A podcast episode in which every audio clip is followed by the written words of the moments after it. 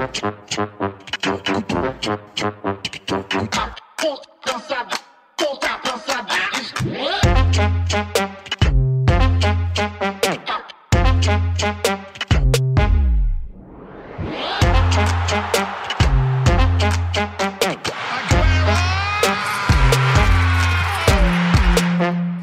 Velkommen til anden halvleg af Fodbold FM, hvor jeg fortsat er i selskab med TV2 Sports, Sportens Jon Pag, Lasse Føge fra BT Sporten og Daniel Nøjsen falder fra Ekstrabladet Sport. I denne halvleg kaster vi os kort over det internationale transfervindue, kloger os på Kasper Julemands udvalgte og fremhæver ugens udenlandsdanskere. Men men, men, men. Vi skal i første omgang forbi Emirates Stadium, hvor Arsenal vandt 3-1 over Manchester United, hvor en vis dansker fik det debut. Øh, jamen, øh, først og fremmest, den her kamp mellem Manchester United og Arsenal, den er jo 3-1, og det her Manchester United-hold, altså, hvad er det for en tilstand, de er i lige nu? Er det ikke sådan en tilstand, de har været i øh, ret mange gange, altså i løbet af de seneste ja, årtier? Altså, det er jo en, de ryger jo ind i, i faser, hvor de ikke kan få det til at, at hænge sammen, og, men altså, jeg synes alligevel, det er ikke det, er ikke det dårligste United, jeg har set i, i de seneste år. Nej, men det, det, nej, nej, men altså, jeg, jeg synes jo bare... Det er jo lige ved at, at kuppe det hele til sidst. Altså, havde det ikke været for den der uh, Myrkuse Hårs uh, offside der, så havde de nok vundet 2-1. Det er, det er muligt, men uh, sådan er det jo i fodbold, at de små... Uh... Husk, de tabte 7-0 på Anfield i sidste sæson på et tidspunkt. Hvor vil du hen med? Nej, men bare, du vil bare, lige, bare du vil bare lige, du vil bare lige nævne det. Nej, men jeg tænker bare i forhold til, at øh, United jo i sidste sæson, tror jeg, for rigtig, rigtig mange, øh, jo bygget på i forhold til, hvad de gjorde tidligere, og var på vej i en anden retning. De blev nummer tre i Premier League, og man kunne ligesom se nogle, hvad skal man sige, antydninger til, hvad Erik Ten Hag kan gerne ville med det her fodboldhold. Nu er de så startet den her Premier League-sæson med øh, to nederlag og to øh, sejre, men de to sejre kunne lige så vel øh, have været øh, nederlag. Øh, så det, jeg tror, jeg tænker lidt på, at de jo lige har været sådan på retræte, altså det er gået lidt tilbage for dem. Er I enige i det? Inden for de seneste par kampe? Eller ja, i den her sæson i forhold til sidste sæson. Altså isoleret set, uh, synes jeg ikke, det er nogen katastrofe at spille en relativt lige kamp på udebane imod Arsenal, som var ret solid sidste år. At man så, uh, det ender som det gør, fordi det går lidt hurtigt til sidst, og de får den der varedom imod sig, efter de scorer til øh, uh, 2-1. Der skal man også nogle gange som fodboldfan prøve at isolere det lidt, og så netop råbe krise, fordi man får sådan et resultat. Jeg har lidt svært ved at vurdere, hvilken retning Manchester United er på vej i, fordi der findes jo kun én retning for fans af Manchester United, som du selv er, Sebastian, og det er at vinde det engelske mesterskab, og det får de med svært ved i de øh, kommende mange år. Men de skal selvfølgelig være bedre, end de er og har været i, i mange år. Det er bare hver gang, at man taler om Manchester United, så er det træneren, man taler om. Jeg ved godt, at man også taler om de her ejere og sportsdirektøren osv., men, men øh, jeg kan godt blive sådan lidt øh, lang i hovedet, når folk bliver ved med at tale om træneren, fordi nu har de prøvet med alle de bedste trænere i hele verden i 10 år, og, og forsøge at få, få en eller anden til at løfte arven efter, øh, efter Alex Ferguson. Og det er ikke lykkedes med nogle af de allerbedste trænere, måske lige bortset fra Ole Gunnar Solskjaer, som øh, mere var sådan et romantisk valg, ikke? og det fungerede heller ikke. Erik Ten Hag er en af de mest lovende øh, trænere og lavet fantastiske resultater med øh, Ajax og har forsøgt at implementere den både trænerstil, men også den rekrutteringsstil, han har i Manchester United. Så det er umuligt for os tre eller fire at sidde her i et studie i Danmark og pege på, hvor det lige øh, går galt i Manchester United. Men, men jeg har altså, jeg, især jo ældre jeg bliver, så håber jeg altid, hold nu bare fast i indlanden og kom igennem den der svære periode, fordi øh, Erik Ten Hag kan heller ikke implementere alt det, han vil på en sæson. Nogle gange så tager det sgu to sæsoner at gøre. Det kan også godt være, at den her sæson bliver lidt under par for, i forhold til de forventninger, der er fra Uniteds fans. Men så kan det være, at man vinder det engelske mesterskab, eller bliver to og, og, og kæmper om det med, med City til næste år. De skal, ja, de skal lige nok, de, de skal kigge over på den trænerbænk, de mødte i, øh, i søndags, hvor øh, Arteta han fik, altså han, det var fandme også dårligt i perioder, øh, i, i, i den første halvanden sæson med ham. Men, men øh, han fik tiden at prøve at se øh, det projekt der nu, altså det er jo sygt spændende, og, og vel den, øh, ja, den bedste sådan, udfordrer til, til City. Ja, og jeg vil egentlig bare lige tage temperaturen øh, på det her Manchester United, man skal få lidt over til det spørgsmål. Altså, hvad er det for et hold, øh, øh, øh, Rasmus Højlund kommer ind på, og hvordan tror du, Daniel, han vil gribe det an? Fordi det er jo, det, det fungerer ikke spillemæssigt for United, om man ved det eller ej. Så hvordan tror du, det er for ham at skulle komme ind på det her hold? Jamen, jeg tror egentlig, det øh, kan ses lidt på to måder, for jeg tror helt sikkert, at det bliver udfordrende, fordi man ikke kommer ind et sted, hvor det bare spiller, hvor man måske bare lige kan gå ind, som, øh, lidt som øh, Holland gjorde i City, og så bare brage, fordi at øh, alle omkring en er skide gode, og alle synes, det er fedt og skønt at være her. Øhm, og det, det er selvfølgelig ikke nemt, men jeg tror også, at øh, han netop kan komme, øh, fordi han har den mentalitet, han har, og det er det, jeg synes, øh, alle fremhæver, når de snakker om ham, øh, og det er også det, jeg kan forstå på de nye øh, spillere og Ten Hag i United. Han har en, en vild attitude og en vild tro på sig selv, og han har en vanvittig energi. Øhm, og jeg tror, at sådan en spiller som ham, netop fordi han har så central en rolle, han angriber, han er det, de måske har sukket efter. Altså, man kan bare se reaktionerne på efter i går. Så er det godt, at de taber, men der bliver også snakket rigtig meget om, øh, hvor lovende det så ud fra Højlund allerede nu. Øh, og nu skal vi ikke køre ham op til at være den nye Holland, men jeg tror netop også, at det kan måske også være hans, øh, altså, hans, øh, det, det bliver ligesom hans mulighed også, fordi at de kommer ikke til at vinde mesterskabet. Og han skal ikke lave 20-25 mål. Fordi der er United ikke lige nu. Øh, så lad endelig bruge, øh, gør det som, som, som Jon og, og Føge siger. Se det som en mulighed for at bygge på. Øh, og så kan, kan han stille og roligt øh, blomstre sammen med holdet forhåbentlig. Sådan så de netop, øh, ikke i år, men, men, men om to eller tre sæsoner, kan, kan være der, hvor de rigtig gerne vil være. Det er jo genialt. Altså, det er jo genialt hold for ham at komme ind på sådan rent personligt, fordi dem han... Øh han kæmper med heroppe øh, på angriberpositionen, det er Martial, som, øh, altså, som de næsten ikke kan holde ud og se på længere, United-fansene. Nej, for helvede. Og så er der øh, på de andre offensive positioner en, øh, en Anthony, som også har en, en elendig attitude, og Jadon Sancho, som endnu mere har en elendig attitude. Og så er der Rashford, som aldrig slipper bold. Altså, der er bare mange, de er trætte af i forvejen. Så det, der kommer en, øh, en ung dansker ind, og med den løbevillighed, han kom ind med øh, mod Arsenal, og øh, den måde, han kastede sig ind i duellerne med Gabriel i Arsenal-forsvaret der, altså, selvom han ikke scorer og sådan noget, så skal han nok blive en succes bare på sin indstilling. Ja, jeg er fuldstændig øh, enig. Og jeg synes også, man kunne se nogle tegn på... Øh at der er nogle holdkammerater, der gerne vil have ham her, den unge øh, angriber til at fungere. Jeg tror, det var en af de første. Casemiro? Ja, lige præcis. Men, men det er sådan nogle små tegn, man nogle gange kan se. Altså Casemiro, den der... Han tager, Casemiro tager fat i, i Rasmus Højlund lige efter han er kommet ind i en hjørnespark-situation og skriger ham mildest talt øh, ind i hovedet og rusker ham i trøjen. Øh, og man kan jo kun gisne om, hvad, hvad der konkret bliver sagt. Øh. Men det er jo en rutineret stjernespiller, der gerne vil vise en ung, ny spiller. Vi tror på dig, og vi vil fandme gerne have, at du kommer til at fungere, fordi vi har brug for det, øh, vi ved, at øh, du kan, og vi har brug for, at du bliver god for os. Det, var, det er i hvert fald sådan, jeg tolker det. Jeg synes ikke, det kan tolkes på så mange andre måder. Og det tror jeg er mega godt for øh, Rasmus Højlund, frem for at komme til en klub, hvor der var en anden, øh, han skulle konkurrere med, og som han skulle slå, og hvor der måske også var lidt øh, imellem de andre holdkammerater, er han nu bedre end ham, og så videre. Altså her tror jeg virkelig, at han kommer ind i et projekt, hvor de sindssygt gerne vil have ham til at øh, fungere, og hvor han kan få tid til det, fordi de også anerkender, at han stadig er ung. Og så er han, som du siger, Daniel, altså med det kendskab, jeg har til Rasmus Højlund, han har en fuldstændig vanvittig mentalitet, og han lader sig ikke slå ud af noget som helst. Han har det der, det er jo det, der har fået ham frem det her fuldstændig klassiske angriber-gen, hvor det eneste, der tæller for ham, det er at komme ind og score nogle mål og sparke øh, bolden i kassen, og det skulle lige meget om det på Trafford eller Og det er jo måske der, hvor Hollands sammenligning øh, er berettiget. Ja, ja. Altså, det ja, ja. Er, den er iver efter at score mål, ikke? Jo, lige præcis. Øh, og øh, et sted som England, der øh, kommer du langt på øh, attituden, øh, og den har en masse af de der kampe, han spillede for Atalanta, som man, man begynder jo lige pludselig at se Atalanta-kampe, ikke? Øh, altså, der er noget, han ikke går ned på, så er det at jagte alle bolde, løbe på alt, gå ind i alle dueller osv. Det kan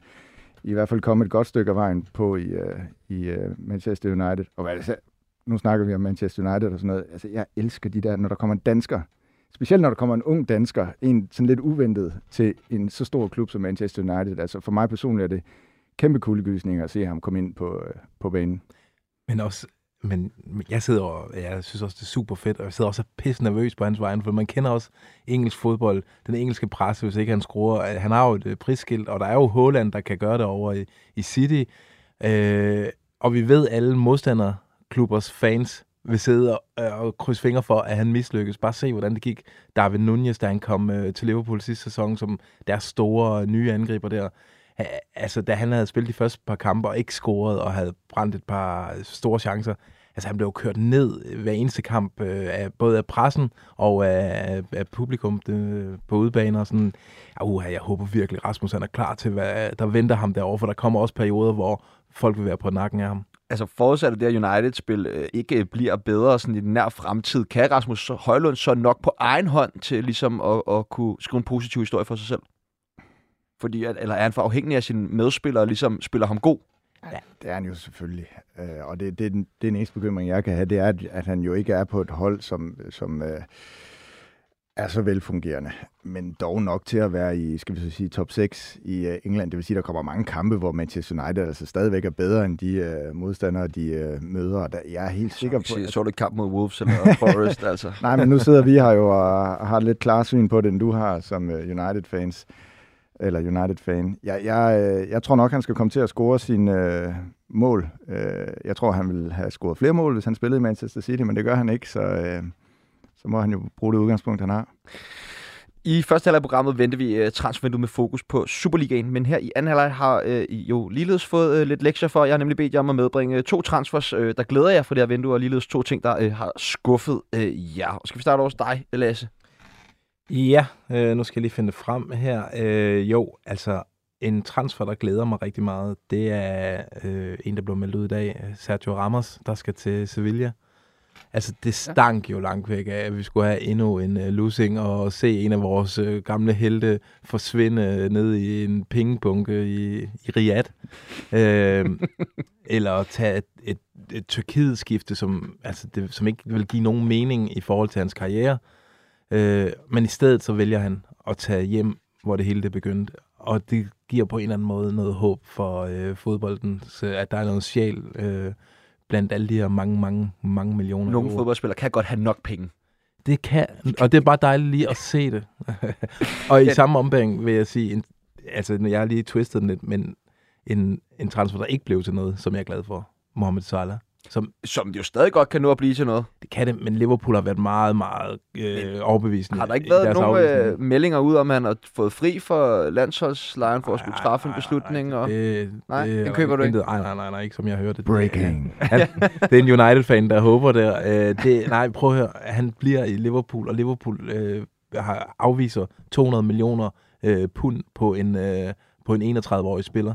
Altså, det, det er også smukt. Altså, der, på et eller andet tidspunkt må, må de store europæiske klubber sætte foden ned, og det har Liverpool gjort her. Så det er en transfer, der ikke skete, som jeg er rigtig glad for. ja, tak. Øh, apropos Sergio Ramos, så kunne jeg godt være sådan en lille smule ked af det som uh, United-fan, når man ser uh, vores midterforsvar i slutningen af kampen mod uh, Arsenal, som bestod af uh, Johnny Evans og uh, Harry Maguire, at man ikke godt lige kunne finde plads til uh, en Sergio Ramos, fordi alder og uh, præstationer unge, på banen øh... er åbenbart ikke et kriterie for at, at komme i midterforsvaret for Manchester uh, United. På mange måder havde Sergio Ramos pyntet mere end Johnny Evans. Ja, det på mange måder, ja. ja det er også. Så siger jeg ikke mere. Uh, har du taget noget, hvad du vil fremhæve? Nej, jeg havde faktisk også tænkt på uh, Sergio Ramos. Jeg, kan, jeg er også, uh, uden at vi skal tale for meget om de der arabiske handler, så, så synes jeg, det er fedt nok, der er nogle af de helt store, der siger, ej, der er altså også en anden måde at gøre det her på. Men ellers så er jeg uh, sindssygt glad for uh, Jude Bellingham til Real Madrid. Uh, Hold da kæft, hva'? Ja, han er, er han, sunshine han, er, han var i forvejen, synes jeg, meget svær ikke at holde af, øh, og det har han bare forstærket og øh, yderligere nede i Real Madrid, og så selvfølgelig spillemæssigt slået helt vanvittigt igennem, også mere end jeg havde øh, regnet med, så det synes jeg, det kan altså noget. Ja, jamen altså, og hvad kan det ikke blive til for Jude Bellingham på det her Real Madrid-hold? Og, og generelt, altså den her Real Madrid-midtbane efterhånden. Er ja, det, er meget, virkelig, det er meget frækt, ikke? Ja, der er noget, altså, noget fremtid i den. Ja, når de måske var lidt bange for, at der nogen kan score mål for Real Madrid, efter Benzema smuttede, og alt lå for meget på, på Vinicius, øh, så er det bare fornøjelse. At en englænder, der klarer sig for rygende i Spanien, det er jo skønt. Box-to-box-spiller, ja, ja. der bare knaller ja, mål ind, du ja, ved, og overtaget Zidane's nummer, og det er en fantastisk historie. Det, det kan kun varme en, der, der synes uh, en lille smule om Real Madrid i hvert fald. og øh, Dan? Ja, så den, øh, den, den 20-skala øh, Jon Pag mig. Øh, så hvis jeg kan prøve at nævne en anden, øh, så, øh, så er jeg rigtig glad for at se, at øh, Mohamed Darami ser ud til at have fundet et sted og en hylde, der, øh, der giver mening for ham. Øh, for jeg begyndte at være et sted, hvor jeg var sådan lidt i tvivl. Kan jeg vide, om han overhovedet kan sådan, slå til i udlandet? Det er selvfølgelig meget tidligt, øh, men Øh, han har spillet, og han har scoret øh, i sin debut, og virker til at have fundet sådan, ja, et niveau, der passer ham i Reims, hvis jeg udtaler. Det gør jeg helt sikkert ikke. Det var rigtigt. ikke uh, rigtigt. Jeg kan ikke udtale det rigtigt Nej. selv, men det var ikke rigtigt. Nej, præcis. det, vi, jeg ved. vi ringer til Frederik Changong. Ja, præcis. Jeg tænkte på ham, da, da jeg sagde det. Ja, jeg tænkte på det, da jeg sagde det. Ja, han kommer nok til at slå mig ihjel. Ja, og også en fed træner, han er kommet ned til uh, i den unge Will Still, som jo uh, har remholdet uh, dernede. Så jeg tænker i hvert fald, at det er, det er det er godt at se, fordi Ajax var det tydeligvis ikke øh, et match i forhold til Darami, og jeg, jeg, jeg, gad, jeg gider ikke at se ham tilbage øh, i FCK, hvor der også, som der også var lidt snak om, hvis han ikke finder noget, så kan han jo komme tilbage, hvor jeg er sådan, nej, nu skal han også øh, bevise sig øh, i, i udlandet. Det er det, de spiller for, og så kan han altid komme hjem, når han er blevet, øh, blevet ældre. Øh, det er meget tidligt, men, øh, men det glæder mig at se, at øh, han i hvert fald får muligheden for at vise sig frem, fordi han er sådan en, der også på sigt for det danske landshold burde være øh, guld værd med, med det, han kan. Det er ikke mange, der kan det, han kan. Måske også en, en huskekage til danske spillere. Man behøver ikke altid tage til, til Ajax. Det er en under, at de har fandme ødelagt meget øh, de seneste år. Altså, der er mange talenter, der er taget derned og blevet ødelagt i den der ja, form for... Ja, også mange, der er kommet godt ud af ja, det. Ja, men fra. hvor mange altså, er Eriksen, og så kan jeg næsten ikke... Dolberg kom også godt derfra. Ej, til sidst så var han jo også ude i kulden og blev skibet afsted til Nice. Det var ikke helt godt. Ja, han ja. kom lidt skramlet derfra, det er rigtigt. Men ja. han var jo god, mens han var der. Ja, ja, ja det var bøjlesen om, men hans ja. karriere blev også ødelagt af, at, de, han, at der opstod nogle problemer der. Det er jo sådan en Det er en ny vinkel på Ajax' øh, talentudvikling. Jamen, jeg har været meget vokal om det i mange år. Jeg synes ikke, man skal tage til Ajax som dansk... Øh, se, nej, nu skal jeg ikke gå ud den vej. Undskyld, jo, jo, undskyld jo, Nøjsi. Kør. ja, men, øh... Jeg tror, Nøjsen mangler en. Uden at jeg skal... Øh, Nej, men øh, ja, som jeg sagde, Jude Bellingham, oh, den var ja, okay. taget fra mig. Så, ja, okay. Så, ja. Øh, ja. Er du mere med dog, af positive transfers, eller vi holder på, øh, på Salah? Øh, ja, ja. Jeg havde Salah og øh, Sergio Ramos. Ja, ja, ja. ja. Øh, jamen, øh, sådan lidt mindre sjov. Hvem har virkelig øh, lavet nogle lorte transfers? Øh, jeg har, ja, jeg har altså også lavet lidt altså, twist, lille, jo... lille twist på den, ligesom uh, Føge gør, øh, fordi jeg synes, det er, det skuffer mig ærgerligt, synes jeg, at, at Pierre Emil ikke kommer afsted. Uh, det synes jeg er, jeg ved godt, så sagde, jeg tror, Julemand han sagde i dag, at han skal nok få spilletid og sådan noget. Det, det, der er masser af kampe og så videre, så videre. Men jeg synes bare, at og den der Atletico-forbindelse, øh, den, den, den, den tændte jeg rigtig meget på, på en eller anden måde. Det synes jeg kunne være... Vi er jo som et godt match, ja, med ham og Simeone. kriger, og det, ved, det vil bare give så meget mening. Uh, så det var bare super ærgerligt for mig, at, uh, eller for, ja, for mig, for, for alle, uh, at uh, jeg synes, at det er ærgerligt, at det ikke sker for, for Pierre Emil, han kommer derned og så skal han da have, øh, kan han lige få et lille bitte skulderklap for til synligheden også sagt uh, nej til, til Saudi. Det skal de bare blive ved med. Men det ser da uh, altså svært ud for Pierre Emil at komme uh, ind omkring uh, startopstillingen på det her Tottenham-hold. Nu har en Bissouma jo været storspillende uh, i den her sæson i modsætning til sidste sæson, hvor han kæmpede lidt mere med det. Uh, ja. Ja, de, tror, lige når de spiller på en måde, som ikke er så Pierre Emilsk, der er meget uh, tiki-taka bevægelse uh, i, i det nye Tottenham-hold der. Så det er da ikke en god situation for ham. Jeg har ham også som en af mine, øh, at det ikke aldrig blev til noget. Og det er da skidt for det danske landshold, hvor han jo er et om, omdrejningspunkt om nogen. Ikke? Så ja, den, den var fandme ærgerlig. Ja. Og det er bare, som Nøjsen også siger, det er så fedt at se ham. Og, altså, så har han haft Guardiola og, øh, og Mourinho og Conte, og så kunne han lige have taget Simeone, og så har han bare gået i den bedste trænerskole. Der kommer en vanvittig fodboldtræner ud af Pierre Emil en dag. Ja, det må man, altså. Han mangler bare lige det der kursus øh, nede hos Simeone. og så slutte af med Kent Nielsen. ja, det er rigtigt. En, øh, en skuffende transfer for dig, Jon? Jeg var også lidt omkring, øh, jeg, jeg, jeg, jeg er også lidt bekymret på Højbjergs øh, vegne, fordi uden helt at kende til hans situation, så virker det også lidt som sådan noget taktik, øh, altså transfertaktik, at han ikke har øh, spillet og dermed er, er rødt lidt længere fra holdet, også med en ny træner øh, og så videre. Og så må jeg bare sige, også selvom jeg vil egentlig gerne have lidt mere nuanceret syn på de der transfer ned til Saudi-Arabien, øh, for det synes jeg trods alt, at man, man skylder, men det er fandme svært. Det er fandme svært ikke at synes andet end, at det er noget øh, hø. Øh, og, og der er jo alt det her med menneskerettighederne, men der er også alt det her, synes jeg, med stoltheden over at være fodboldspiller. Øh, og, og hvor der er nogle af de her spillere, hvor man tænker, okay, du er trods alt du er så meget oppe i årene, og øh, går du ned og får dine 100 millioner, og så øh, smid, smid dit eftermæle på øh, porten. Og den mest markante har jo selvfølgelig været Jordan Henderson. Og, det er ikke, jeg ønsker ikke at være hysterisk, som jeg startede med at sige. Jeg, jeg kunne godt tænke mig noget nuance omkring det, men jeg, jeg synes godt nok, den er, den er halvgrim. Ja, altså nu tænker du Bjørn Henderson, fordi ja, han jo har været meget vokal omkring øh, homoseksuelle Ja, det gør jeg, fordi og... at, at, at, at det netop der, hvor jeg synes, det bliver værst, det er, når hyggeleriet opstår. Og han har været ekstremt vokal omkring øh, at inkludere alle i øh, fodbolden, og, og gået meget op i sit regnbue øh, farvede armbind. Og når han så skal præsentere sin nye klub, så godkender og tillader han til sydlandene, at de, øh, hvad hedder sådan noget, øh, at de censurerer ja. det her. Jeg, jeg, jeg synes ikke, at fodboldspillere står til ansvar for alt muligt. Men når man selv har stillet sig derop, og man så efterfølgende er så hyklerisk og ligeglad, at man er til salg for øh, penge, som man ved Gud i himlen ikke mangler i forvejen, så begynder jeg at synes, at øh, så er der ikke mange nuancer, så er det bare hyggeleri.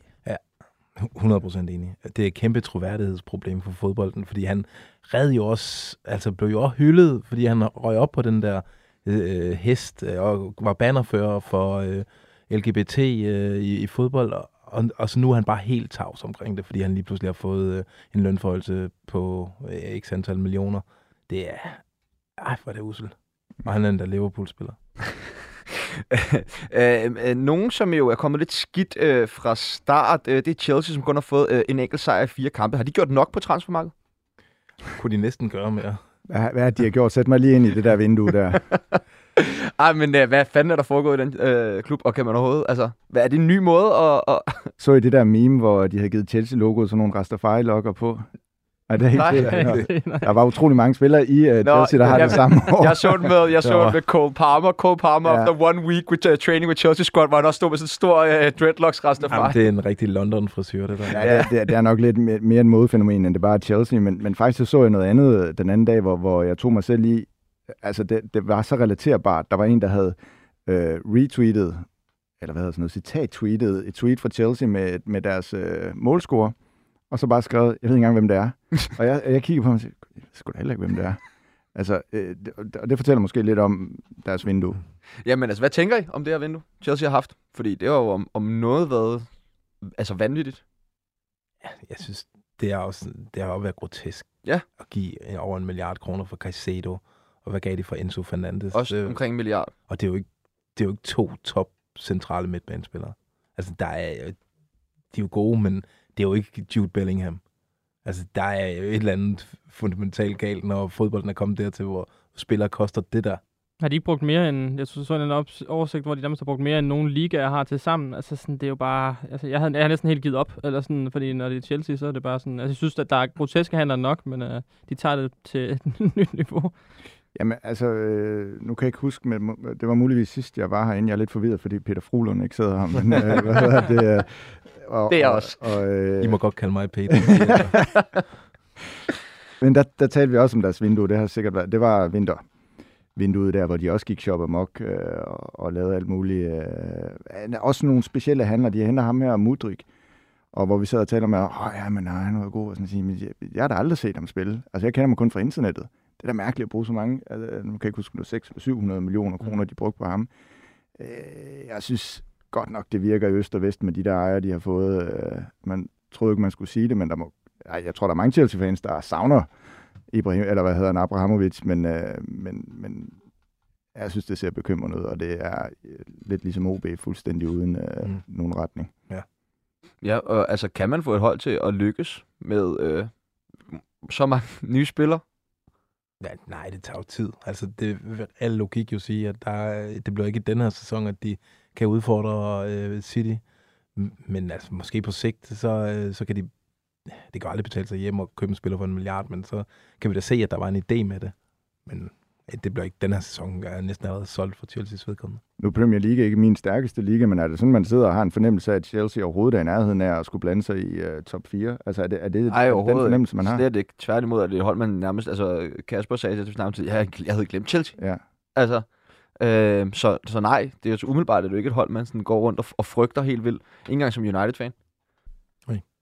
Det Øh, siger lidt. Ja, det siger meget.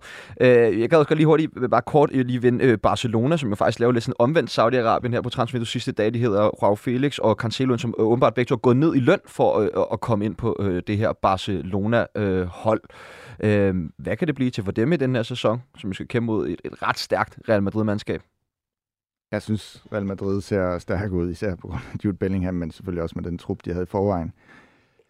Men det gør Barcelona også. De øh, har mange unge spillere, som var gode i sidste sæson, og som var med til at vinde øh, mesterskabet for dem, som de kan bygge videre på. Og så har de den her stamme, Frenkie de Jong ser lige pludselig øh, god ud. Lewandowski stopper nok aldrig med at, at score mål. Og de har også fået ryddet lidt ud i øh, truppen med nogle af dem, som øh, man var lidt mere usikker på. De har Pedro, Pedri og Gavi og så videre. Øh, det bliver spændende, øh, og, og forhåbentlig for La Liga bliver det øh, Barcelona, Real Madrid og, og, og forhåbentlig også Atletico Madrid, som kan byde hinanden op til, øh, til dans. Det ser for en gang skyld øh, spændende ud, hvor det har set lidt trist ud, synes jeg, de sidste par år i øh, La Liga, som har mistet lidt af den der magi, som de ellers altid har haft, specielt med Real Madrid og Barcelona. Ja, det skulle også lidt være min pointe netop, at jeg føler også, at vi er på vej tilbage til noget magi netop, og det skal jo komme af, at der i hvert fald er spænding om tingene, og der netop er de her øh, gode historier, øh, Bellingham, øh, som, vi, som vi så fint har snakket om. Jeg tror, det bliver, jeg tror, det for en gang skyld bliver rigtig spændende at, at følge med, og måske også rigtig, rigtig tæt. Det, jeg husker tilbage, hvor at, øh, altså Barcelona og Real Madrid er det klassiske, det ved vi jo alle sammen, hvor, hvor spændende det var, men der til sidst gik der også inflation i de kampe, og så, så, røg de, så røg Messi og Ronaldo, så var den historie lidt væk, øh, så begyndte de at blive sådan lidt mere ma. Øh, nu øh, begynder jeg så småt igen at have den der øh, pigerne fornemmelse i maven, når, når, når de på, på et tidspunkt skal, skal møde hinanden. Også på den internationale scene. Altså, jeg har mistet meget for Champions League i de seneste år, så jeg er ikke den bedste sådan, at, at skulle til at vurdere det, men der savner man da i den grad Barcelona. Øh, Real Madrid har selvfølgelig været med frem og, og, og har vundet inden for de seneste år, men, men Barcelona mangler i det der øh, regnskab. Kan det være, at jeg får min kærlighed på et tidspunkt tilbage til Champions League. Og på Barcelona, så sendte de jo øh, deres Messis aftager, Ansu Fati, til Brighton. Hvor overrasket var jeg lige over den. Altså nu er jeg ikke, jeg må ærlig indrømme, at jeg ikke fulgt så meget med i spansk øh, fodbold de seneste sæsoner, fordi ligesom, altså jeg mistede også lidt af interessen, da både Messi og Ronaldo forsvandt, men altså han var jo et kæmpe talent, øh, og en af dem, man regnede med skulle tage over, så det var det overraskende, at han alle steder lige pludselig er i Brighton, som man jo stadig regner, altså de har jo været rigtig gode de seneste sæsoner, men det er jo stadig sådan, jeg bliver ikke chokeret, hvis de rykker ned øh, næste år. Du bliver ikke chokeret, hvis Brighton rykker ned nej, næste år? Nej, nej, nej okay. det, det er ikke et... Altså, nu er jeg set alligevel lidt Brighton. Jeg vil blive meget chokeret, hvis Brighton rykkede ned øh, næste år. Jamen, på et eller andet tidspunkt, ikke? Øh, altså, vi, Ja, hvis- vi har jo altid set de der klubber, der, der har en, en par sæsoner. I Brighton har jo et utroligt stærkt koncept. Altså, de har Graham Potter, så har de fået De Serbi, som jo er en fantastisk træner i mine øjne, altså, som jo har bygget endnu videre på det her koncept. Nu har vi snakket meget om, om klubber med, med stærke koncepter, Silkelona blandt andet. Altså, der er Brighton der er nærmest endnu bedre eksempel på et stærkt koncept. Ja, ja, men øh, det må tiden jo vise. Det er det eneste, jeg kan sige.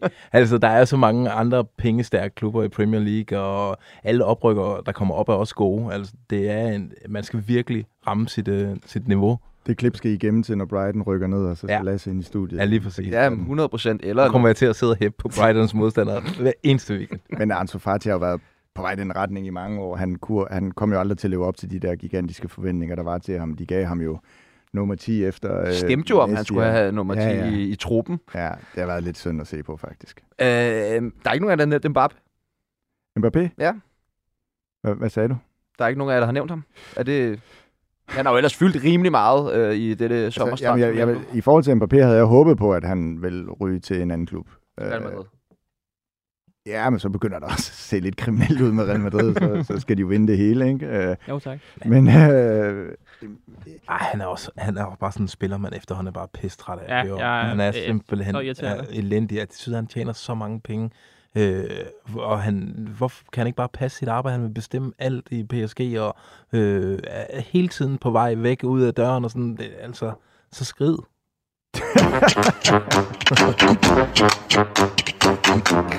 Dagen efter vores udsendelse i sidste uge udtog den danske landstræner Kasper Julemand den spillertrup, som er i spil til kampene mellem øh, hjemme mod San Marino den 7. september og ude mod Finland den 10. september.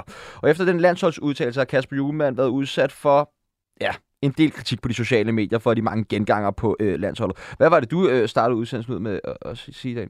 Jamen, jeg gav en, en pæn takling til ham og kaldte ham øh, en kylling, fordi jeg synes, En at kylling. øh, ja, øh, den kan I bare citere mig for. Det Det kommer vi også Øh, til. det er ikke... øh, jeg har ikke... Jeg, jeg skal ikke, øh, jeg skal ikke stryge ham øh, med hårene. Ja, det, ja, det er fint. Øh, jeg er ikke landstræner, og jeg har ikke det indblik, han har. Men øh, jeg bliver spurgt og set fra min stol, så synes jeg, at det, der er nogle tendenser til, at der er ting, han ikke tør. Øh, og han tør tydeligvis ikke at, at røre ved Kasper Schmeichel. Jeg, synes, jeg er ikke engang specielt overrasket over det, men jeg synes bare, det er, øh, det er vildt, fordi det er en debat, man kunne have, øh, selvom nummer to ikke var øh, brandvarm, fordi at nummer to i Danmark som regel også er en pæn god målmand, men han er brandvarm, Frederik Grønov. Og alligevel så kan han ikke øh, komme ind og spille i en gratis omgang mod San Marino. Så giv dog Frederik Grønov den kamp. Jeg øh, Jon, øh, er, er Kasper Julemand kylling?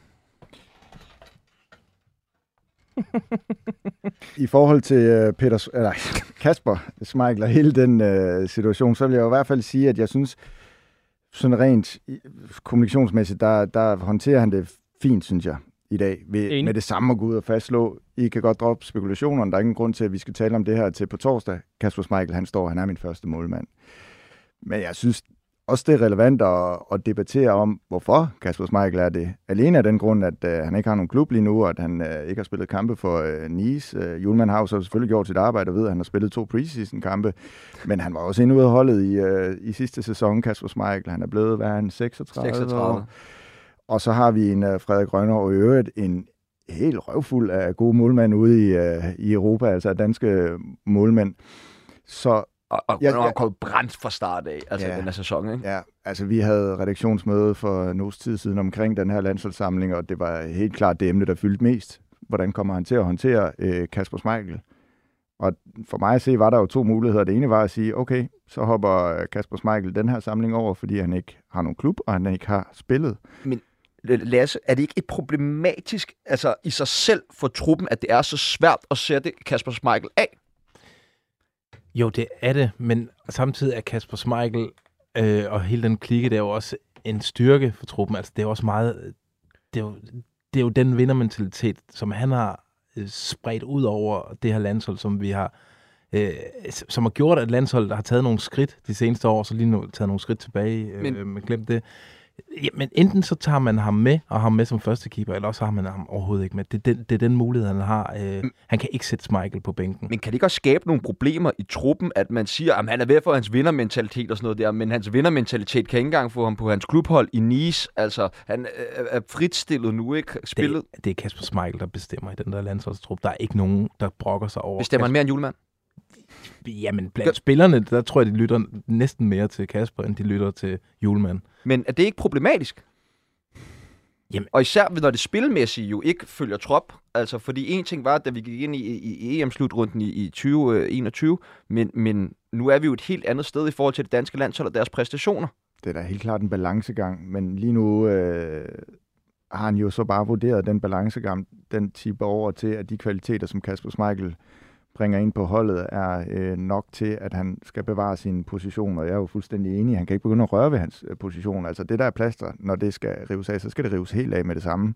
Og det har man jo lidt fornemmelsen af, at det først bliver, når Kasper Schmeichel selv siger det. Yes. Øh, og der var lidt den samme situation med hans far. Han kunne godt dufte øh, lugten i bæreriet på et tidspunkt, og så sagde han farvel og tak. Ikke? Men jeg synes, at det ting, I siger, det taler der rigtig meget ind i det. Daniel siger, at han er en kylling. Han er åben- tydeligvis bange for at sætte Kasper Schmeichel af ud fra det, I siger. Men hvis nu, at øh, Kasper Schmeichel havde droppet øh, helt vildt på det seneste, jeg kan ikke, stadig ikke komme i tanke om en decideret et mål, som jeg kan sige, det der, det var Kasper Schmeichels skyld, øh, når jeg kigger tilbage på de seneste men, tre. men ud fra den devise, så kan man sidde og være nok så god for sit klubhold, men man er nødt til at vente på, at dem, der starter inden for det danske landshold, laver en graverende fejl for det danske landshold, før man kan tage med. Jamen, det er målmandsposition, den er, den er sgu, den er helt speciel. Altså, Ja, det er en vigtig detalje, synes jeg også. Altså, Det er- trods alt, selvom jeg er sur på, på julemanden, når jeg sidder her, så synes jeg også, at det er lige præcis, at, at det er målmanden. Så altså, du kan ikke...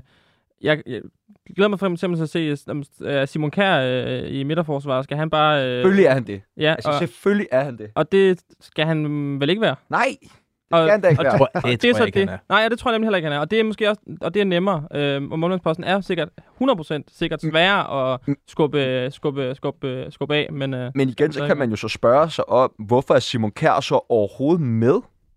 Altså, han er jo ved at nå en alder, så det er ikke fordi, han er en eller anden ung spiller, der skal spilles ind og være omkring den her trup. Man har en alt overskyggende, altså, øh, jamen, øh, stormuller i, øh, i Kasper Schmeichel, som bare bestemmer alt på det danske landshold, så er der vel ikke brug for flere omkring. Der er den her ryggrad i det danske landshold, som har været der i mange år. Kasper Schmeichel, Simon Kjær og Christian Eriksen. Og så er der sådan et lag lige nedenunder, som er øh, Pierre Emil Højbjerg, som sikkert går og venter øh, på, at han bliver top Ja, på et eller andet op, tidspunkt. mand. Ikke? Ja, men man skal jo gøre det på det rigtige tidspunkt, og det synes jeg også godt, man kan anerkende. Trods alt er en opgave for Kasper Julemand, og det ikke er så simpelt, som vi jo ofte udefra gerne vil gøre det til. Øh, men, men, og, og vi er jo ikke, selvom vi kommer op i landsforslejren, og vi følger dem rundt i øh, verden og så videre, så er vi jo trods alt ikke med i hverdagen og nede i omklædningsrummet. Vi, altså det, det, det kan jo være, at han vurderer, jamen hiver jeg Simon Kjær ud, fordi han ikke spiller ret meget nede i AC Milan, og en Kasper Schmeichel, jamen så, så tipper alt det, der jeg har bygget op omkring med mine spillere og de unge, og, og hele den kultur, der er på det her hold. Og en ting er, at vi skal have med, at og det er ikke for, det er ikke for at tage julemand i, i, i forsvar, fordi jeg synes, han skal, altså det er relevant at stille de her spørgsmål og debattere det. men, men en ting er, at det er en målmandsposition, men også, at det er et landshold, som er helt anderledes end et øh, klubhold. Han har dem i så øh, korte perioder, og der har han bare brug for noget kontinuitet, og det står de tre altså for. Christian Eriksen kan der, Men- altså, kan der selvfølgelig ikke pille ved hans nå. position, men, men, Men jeg køber ikke helt den der, fordi at øh, noget kontinuitet, ja, men det handler vel også om, at man har spillet noget fodbold. Og der er jo Mm. mange af de her spillere, som ikke rigtig har spillet noget øh, fodbold, især jo Kasper Schmeichel, men vi kan også hive en Mikkel Damsgaard ind, altså vi kan også hive en Thomas Delaney ind, som også er blevet udtaget, øh, som ikke er målmand. Men, øh, og det handler vel også lige så meget om, når man har spillerne i så kort tid, så skal du have nogen, der præsterer. Altså, så skal du have nogen, der er i form. Jamen, du skal også have nogen, der har trænet sammen, og nogen, der kender hinanden, og nogen, der har nogle relationer til hinanden og forstår Julmans system. Og han har jo altså historisk øh, kort tid til at træne. Det bruger han også som argument, og det er også et helt færre argument. Øhm, Men han der har bare være en balancegang. I princippet har han jo haft et år siden VM snart. Altså, og vi så nogle, øh, nogle øh, altså antræk til det i, i kampen mod Men det er også fordi, Kazakhstan, vi nærmer os det der generationsskifte nu, og der er det jo den der diskussion og debat, den øh, bliver øh, meget relevant og, og også går lidt højere end øh, normalt. Og hvis jeg var ham, så ville min bekymring være, at de der spiller i næste lag, altså dem, som ikke engang er med i truppen, hvornår skal jeg begynde at tilgodese dem? Og der er altså nogle stykker efterhånden, som, øh, som må begynde at tænke, wow, hvad skal, altså, hvad skal jeg gøre for at komme med? Rønne. Rønnow for eksempel, men jeg tror, han er... Ham og Schmeichel har også bare gået op af hinanden i så mange år. Så det kan godt være en gang imellem, når han ligger hovedet på puden om aftenen og tænker, skal jeg ikke have den landskamp der? Men, øh, men, men der er også en, jeg vil nævne en del spillere, som, som godt kunne have været med, ikke? En, øh, en Billing og Isaksen og, og andre, ikke? Rasmus Nielsen Christensen er jo heller ikke udtaget. Han er heller ikke med, nej. Jul, Julemand fik jo et kæmpe chok, øh, da han nede i Kazakhstan, da han skulle skifte ind, og han havde et par spillere, der ikke havde, tydeligvis ikke havde trænet de koncepter, han gerne ville have. Det gik jo helt galt med, det var jo, var det Billinger og Darame der, det var Mm. altså hårdt sagt. De kostede os øh, sejren i, i Kazakhstan, de indskiftninger der. Og nu er der jo bare ikke, der er jo ikke plads eller råd til i kampen mod Finland Men- og at sende sp- spillere fra bænken ind, Vi- som ikke kan løse de opgaver, han vil have. Så kan han øh, udtage øh, spændende, sjove øh, Superliga-spillere, når vi skal spille Nations League og øh, spille venskabskamp. Men hvis, Men vi skal til EM. hvis ens koncept er godt nok, burde man så ikke godt kunne skifte to spillere ind, der ikke var vant til konceptet? Altså, er der så ikke også noget, der falder tilbage på ham, over at han ikke kan skifte spillere som Philip Billing og øh, Mohamed Darami ind og få dem til at fungere? Ja, selvfølgelig. Altså, Men, men han kan jo ikke... Han, så han kan kun få det til at fungere med lige præcis de spillere, som der var med. Men han, men han tog den der læring med fra sig, øh, fra den samling der, hvor han jo havde øh, udtaget Men er det ikke lidt tilbage til kylling? Man prøver noget af en gang, så går det galt, og så tør man ikke, og så går man tilbage til det gamle hvis igen. det, der er bare den Der er også noget læring, at det andet fungerer. Men hvordan skal der komme et generationsskifte på det her landshold, hvis man ikke tør tage chancen? Ja, men man kan også sige, hvordan skal der komme et generationsskifte, hvis vi for eksempel ikke kommer til EM øh, næste sommer i den her gruppe her. Altså, så er, så er landsholdet opbumpet tilbage på en eller anden Så måde. kan Altså, vi komme så- til EM og så med 0 point efter tre kampe. Jamen, så- Altså, hvor fedt er det? Nå, men Så ærligt. kommer altså, generationsskiftet nok. ja, og så er, jul, altså, så er julemanden væk, ikke? og så kan Nielsen blive landtræner. Men altså, kom nu. Det, jeg, jeg, jeg forstår ikke, at, at man ikke er mere sådan harm over, at, at man bare... Jeg synes stadig, at Julemand har så meget kredit tilbage i banken, trods alt, øh, fra den der flotte VM-kvalifikation og et, en rigtig flotte EM-slutrunde. Det der, øh, der skete nede i Katar, det er sådan, det er næsten, det kan man næsten ikke bruge, fordi det var så underligt det hele. Og, og det var et, et skod på så mange måder, og især uden for banen. Øh, og så har han haft, en, altså det er rigtigt, vi skal virkelig være efter ham på den her start på kvalifikationen, men jeg er jo klar til lige at give ham lidt mere line, end at nu skal han skifte hele truppen ud, og, øh, og måske er han også for, ja, for dårlig en landstræner. Øh, men, men hvis vi lige prøver, nu har vi kredset meget om Kasper Schmeichel, men der var altså også blevet til en spiller, som for eksempel Mikkel Damsgaard, ved godt, han er blevet skadet og er blevet udskiftet- med Nikolaj Wallis, men burde Nikolaj Wallis ikke bare have været udtaget i, i første omgang, i stedet for Mikkel Damsgaard, fordi hvad har han reelt set præsteret, altså både for klubben, men også for landshold, siden han uh, knaldede bolden ind mod England? Ja. Jamen, det er et helt relevant spørgsmål. Altså- Men igen tror jeg, det handler om ting som, som det der med, at vi ser det udefra, og han ser det et helt, på et helt andet sted. Fordi igen, Wallis, det er en, nu er det en, det er en helt ny spiller, han skal have ind. Og han, og han, det, han har helt sikkert snakket med ham før, og han har helt sikkert brugt tid sammen med ham. Men han har ikke sat ham ind i alle de koncepter og de tanker, han gerne vil i forhold til at skulle præstere i en, to kampe lige nu. Ja, det og er her. hans job jo. Ja, det er... Det er hans fucking job, det Men må han, få gjort, altså. Ja, men han har jo ikke... De har, er det ikke er, noget, jo du kan- rigtigt det er nok, ikke hvad noget, han siger. Der er, jo ikke, der er jo ikke noget træningstid. Altså, det er jo rejsetid. Alt, man har med landsholdet. Øh, det er, ja, så er der måske lige ud og ryste benene og sådan noget. Men de har jo ikke øh, tid til intenst at træne nogen forsvarsstruktur eller angrebsopbygning eller sådan noget. Det bliver nødt til at sidde på ryggraden fra de øh, træningslejre, de har haft op til EM og VM.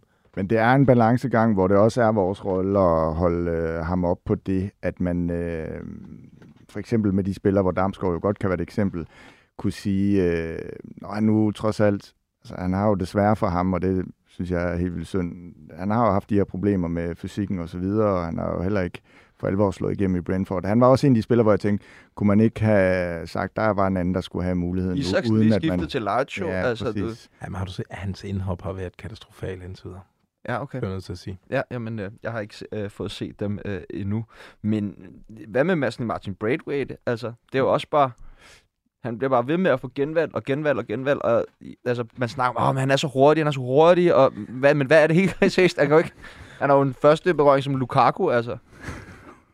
Ja, der, han har jo noget, altså, som de andre ikke har. Han har jo noget rutine i at spille øh, landskampe, og noget rutine i at, at spille mod rigtig gode modstandere. Altså, det er jo det er trods alt også vigtigt. Jeg ved godt, at Superliga-spillere, men det, der, jeg kan bare ikke komme i tanke om en, der er kommet direkte fra Superligaen på, ind på landsholdet, og så bare wowet os. Altså, de skal ud og have øh, noget Europa-erfaring først.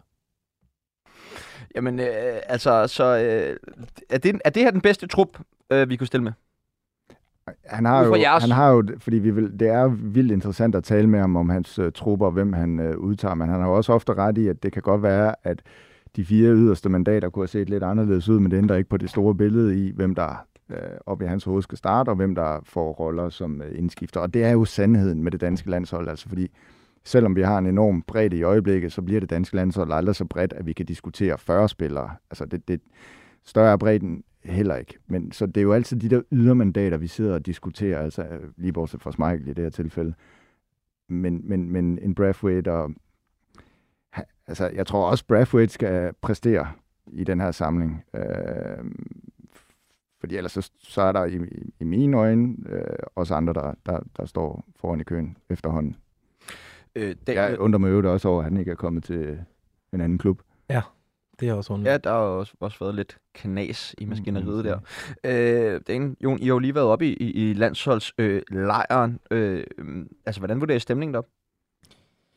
Øh, jeg vurderede en, øh, ja, det var en flok øh, unge gutter, mange af dem øh, vi havde i dag, øh, og der var højt humør, de er dejligt nemme, øh, så har jeg ikke sagt for meget om nogen nogle af de andre. Øh, de er dejligt nemme og, og glade, og der var også, øh, altså man kan sige, snakket med, med nogen, der også har, har skiftet, Mæle var, var meget glad øh, for at komme væk. Øh, øh, Lindstrøm er meget glad og stolt over at komme til, til, til Napoli. Andreas Skov Olsen er brandvarm og har scoret mål, så der, er sådan, der var en meget, meget øh, positiv stemning, men jeg tror også godt, at de, øh, altså, øh, der, det, er, det er alvor, og det gør, at den første kamp her øh, på torsdag mod San Marino, det bliver, og det skal være øh, øh, noget, de kan gøre med lukkede øjne, men øh, de ved godt, at øh, den der Finland-kamp, øh, der skal altså, der skal, der skal præsteres. Det var sjovt, fordi jeg skrev til min redaktør, da jeg så, hvem det var. De, det er jo sådan, de holder en pressekonference, øh, hvor der typisk er øh, fem spillere, og Kasper Julemand her på første dagen, hvor de samles. Så er det lidt betinget af, hvilke spillere, der lige spillede i går og kan nå at lande i Helsingør. Det er jo ikke alle, der lige kan komme her til øh, formiddag, eftermiddag. Men, men jeg skrev i hvert fald til min redaktør, det er alle de gode historier, der kommer i morgen, og det kan jo være fint nok, men vi vil rigtig gerne have talt med Kasper Schmeichel, vi vil rigtig gerne have talt med Thomas Delaney, eller en Brathwaite, eller en Rønnow for den sags skyld. Så det blev de øh, gode historier, så jeg, jeg er enig med Daniel i, at øh, der var god stemning. Det var hele den der unge knallert bande der, som, øh, som bare er super fede. Jonas Vind og Andreas Olsen og Jobbe og sådan nogle, ikke? Danmark møder jo som sagt øh, San Marino på torsdag i parken, og det skal vel bare være øh, en walk-over. Altså, Ja, og så skal det være med øh, altså overbevisende spil, og det ved jeg ikke engang, hvordan man gør. Altså, fordi selvfølgelig kommer de til at vinde den her kamp. San Marino er muligvis det dårligste landshold i hele verden, så, så der er ikke nogen... Altså, vi behøver ikke engang at tale om, om, om den danske sejr er øh, i fare, men, men de skal altså også spille overbevisende. men det er vel sådan noget med, at nullet skal holdes, og vi skal vel over tre mål scoret også. Altså, Hver gang kan- San Marino scorer, skriver de fodboldhistorie i deres lille nation, så selvfølgelig skal nullet Jeg tror, ikke, holdes. de har tabt, jeg tror ikke, de har vundet en landskamp siden, jeg tror, der er nogen, der sagde 2004. Jeg tror, de har en enkelt sejr, ja, som Ja. er mod Liechtenstein for 20 år siden. Som også er et øh, velrenommeret landshold. ja, Og der er solgt 37.000 billetter, altså der er ingen undskyldninger for, for landsholdet. Lasse, hvad med Finland-kampen? Kunne du være lidt mere nervøs for den? Ja, den er jeg skide nervøs for, fordi Finland er et ret... Øh, de havde jo egentlig okay styr på os inde i parken, da de udligner til 1 Der er lige en periode der, hvor man tænker, kan vi vide, om Danmark ender med at tabe den her? Og så er Højlund, der, der lige brager igennem til sidst. Men altså, den tilstand, det danske landshold er lige nu med en øh, første keeper, som ikke har stået på mål øh, rigtigt i, i tre måneder. Vi har Pierre Emil Højbjerg, vores øh, øh, sådan, øh, energiomdrejningspunkt inde på midten, som ikke spiller øh, fast i, i tonnen. Tottenham, og så har vi Højlund, som har spillet en halv time øh, fodbold de seneste øh, par måneder, så altså, det er jo ikke et, et top trimmet landshold, der skal op og spille sådan en kogepladekamp der. Den er jeg ret nervøs for. Der er, jeg tror, der kommer knald på, der har været udsolgt i mange måneder op i Helsinki. Er I lige så nervøs? Ja, fu- ja, fuldstændig. Altså, jeg tror ikke, jeg kan sige det meget bedre end Lasse Føge. Han er også god til at formulere sig øh, foran mikrofonen. Øhm, jeg glæder mig til at se kampen på, på, på stadion. Jeg øh, kommer nok også til at sidde med lidt sved i håndfladet. Det tror jeg, der er mange, der gør. Men vi burde jo ikke være nervøse. Altså, det danske landshold er bedre end det finske, og også væsentligt bedre. Men vi er jo nervøse, fordi vi så den første kamp, og vi har set, hvordan det kan gå galt over i øh, Kazakhstan. Det er derfor, vi er nervøse, fordi selvfølgelig burde vi være bedre end det finske landshold, uanset hvor mange gange Kasper Julemand kommer til at nævne, at det er et godt hold, så er Dan- Danmark et markant bedre hold spiller for spiller, helt ud til den sidste mand på øh, holdkortet. Men, men det var vi jo også i Slovenien, øh, når man kiggede på de to hold, og der var Danmark ikke det bedste hold på banen. Det bliver en uh, spændende omgang, når Danmark de møder Finland den uh, 10. september. Jeg vil ikke holde på jer meget øh, længere, drenge, men vi skal lige nå øh, ugens udenlandsdansker, som jo er Kaspers yndlingselement. Øh, element. Lasse, øh, hvem kunne du godt tænke dig at fremhæve i den nu? Jamen, øh, nu ved jeg ikke, det kan være, de to andre har valgt den samme. Jeg tænkte, nu skal jeg være sådan lidt hipsteragtig og øh, lidt øh, smart. Så jeg har valgt øh, Mileta Rajovic, Ja. som øh, får en, Det- en flot debut øh, for Watford med to kasser og en assist. Øh, fed øh, historie også. Hvem, det der- hvem er, kan du gøre lytte lidt Jamen, det er en øh, ung dansk angriber. Han er ikke så ung mere, men han har rendt rundt i Næstved en del af sæsoner, og så blev han øh, hentet af, af svenske Kalmar til den bedste svenske række, og så øh, bomber han løs. Øh, har et sindssygt scoringssnit derop og bliver så solgt til øh, Watford øh, i den næstbedste engelske række, som så er endnu lige et step op øh, sådan kvalitetsmæssigt, og det step tager han bare uden, øh, uden besvær og laver to kasser, øh, nu selvfølgelig tidligere, og konkluderer, at han blev en kæmpe succes, men det så godt ud, og han er virkelig sådan en rigtig goalgetter, altså fox in the box. Øh. Den nye Troy. Ja, måske. Man kan måske opleve relevant for Kasper Julemand på et eller andet tidspunkt, hvis han bliver ved. Ah, så skal han vel have s- 36 år på CV'et. Og, Og ikke spille. ja, Jeg, tænker, jeg vil, skal du ikke med op i landsholdslejren i morgen? meget, meget gerne. Vi mangler nogle af de spørgsmål der. Eller i hvert fald den der, øh, det raseri. Jamen, jeg, jeg, har, jeg har et personligt vendetta mod øh, det danske landshold og Kasper Julemand åbenbart. Øh, jo, ugens udlandsdansker. Jeg vil lige sige, han, øh, Kasper Julemand øh, nævnte ham fuldstændig uopfordret til mig i dag, da jeg netop gik ham lidt på klingen med, med truppen. Der var han en af de øh, spillere, han, øh, han nævnte. Prøv lige at sige navnet igen. Mileta Rajovic. Mileta Rajovic. Det er, ja, Godt dansk navn. Ja, jeg, nik, jeg nikkede selvfølgelig bare. Så, ja, ja, ja, jeg har også gjort det godt i Watford. god gamle. Hvad hedder det? Nej, jeg kan godt, jeg kan godt huske historien om, at han scorede alle de mål i Kalmar og blev øh, rygtet til nogle større klubber. Jeg har valgt øh, Robert Skov. Ja. Som... Øh, Silkeborg-mand. Ja, men det er ikke... Jo, det er det. Nej, Som jo også klarede sig udenom en landsholdsudtalelse i den omgang. Ja, men jeg, jeg tror ikke, Robert Skov han ligger og skriger ned i puden over det. Han vil selvfølgelig gerne være med på landsholdet, det er der ikke nogen tvivl om, men han har jo været lidt inde og ude, og også øh, lidt skadet og så videre. Men øh, kom på banen for Hoffenheim imod øh, Wolfsburg i weekenden og vendte det hele rundt med en assist og en øh, scoring. Og øh, når Robert Skov er god, så er han rigtig god, så det kunne da være fedt at få ham øh, i gang igen. Ja, tak. Og det jeg er gået med en træner. Jeg er gået med, med Brian Priske i Sparta Prag. Øhm, jeg husker tydeligt, hvordan han øh, var meget skuffet i ansigtet nede på sidelinjen, efter at øh, FC København øh, vandt i straffekonkurrence. Og de tager altså 3-1 til Dynamo Zagreb i den, i den første kamp om at komme i Europa League, og så vinder de bare lige 4-1 hjemme. Øh, det kræver altså noget, øh, noget særligt, og Asger Sørensen får også scoret efter, han var skurk og brændt på straffe mod FCK. Øh, så øh, det, det kræver sin mand at, at, at komme tilbage, og så den, øh, den får han meget, meget fint hed op, dreng, og rigtig godt koordineret også. Mm. Mm. lige øh, gik fri af hinanden på den. Vi skal også lige nå øh, Jesper Rune Herold Sørensen har meldt ind med ugens udlandsdansker. Victor Christiansen, fantastisk, fantastisk at gå fra at være helt ude i kulden i Leicester til at være afgørende allerede i sin debut for Bologna, hvor han var med i begge mål. Ja, det blev de sidste ord for øh, denne omgang af Fodbold FM. Kæmpe stort tak til Jon Pag, til Daniel Nøjsen Falle og Lasse Føge for at medvirke øh, i dagens program. Og som altid kæmpe stort tak til alle jer, der har øh, lyttet med enten på live eller på øh, podcasten. Husk, at I kan melde ind med øh, ris, ros, spørgsmål, øh, ugens udlandsdansker, skulderklap og taklinger på vores Facebook-side, på vores Twitter, nu kaldet X, øh, fodbold.fm, eller på øh, Kaspers mail, kadk 247dk Tusind tak til Kasper i regien, og øh, vi lyttes ved øh, i næste uge, samme tid, samme sted.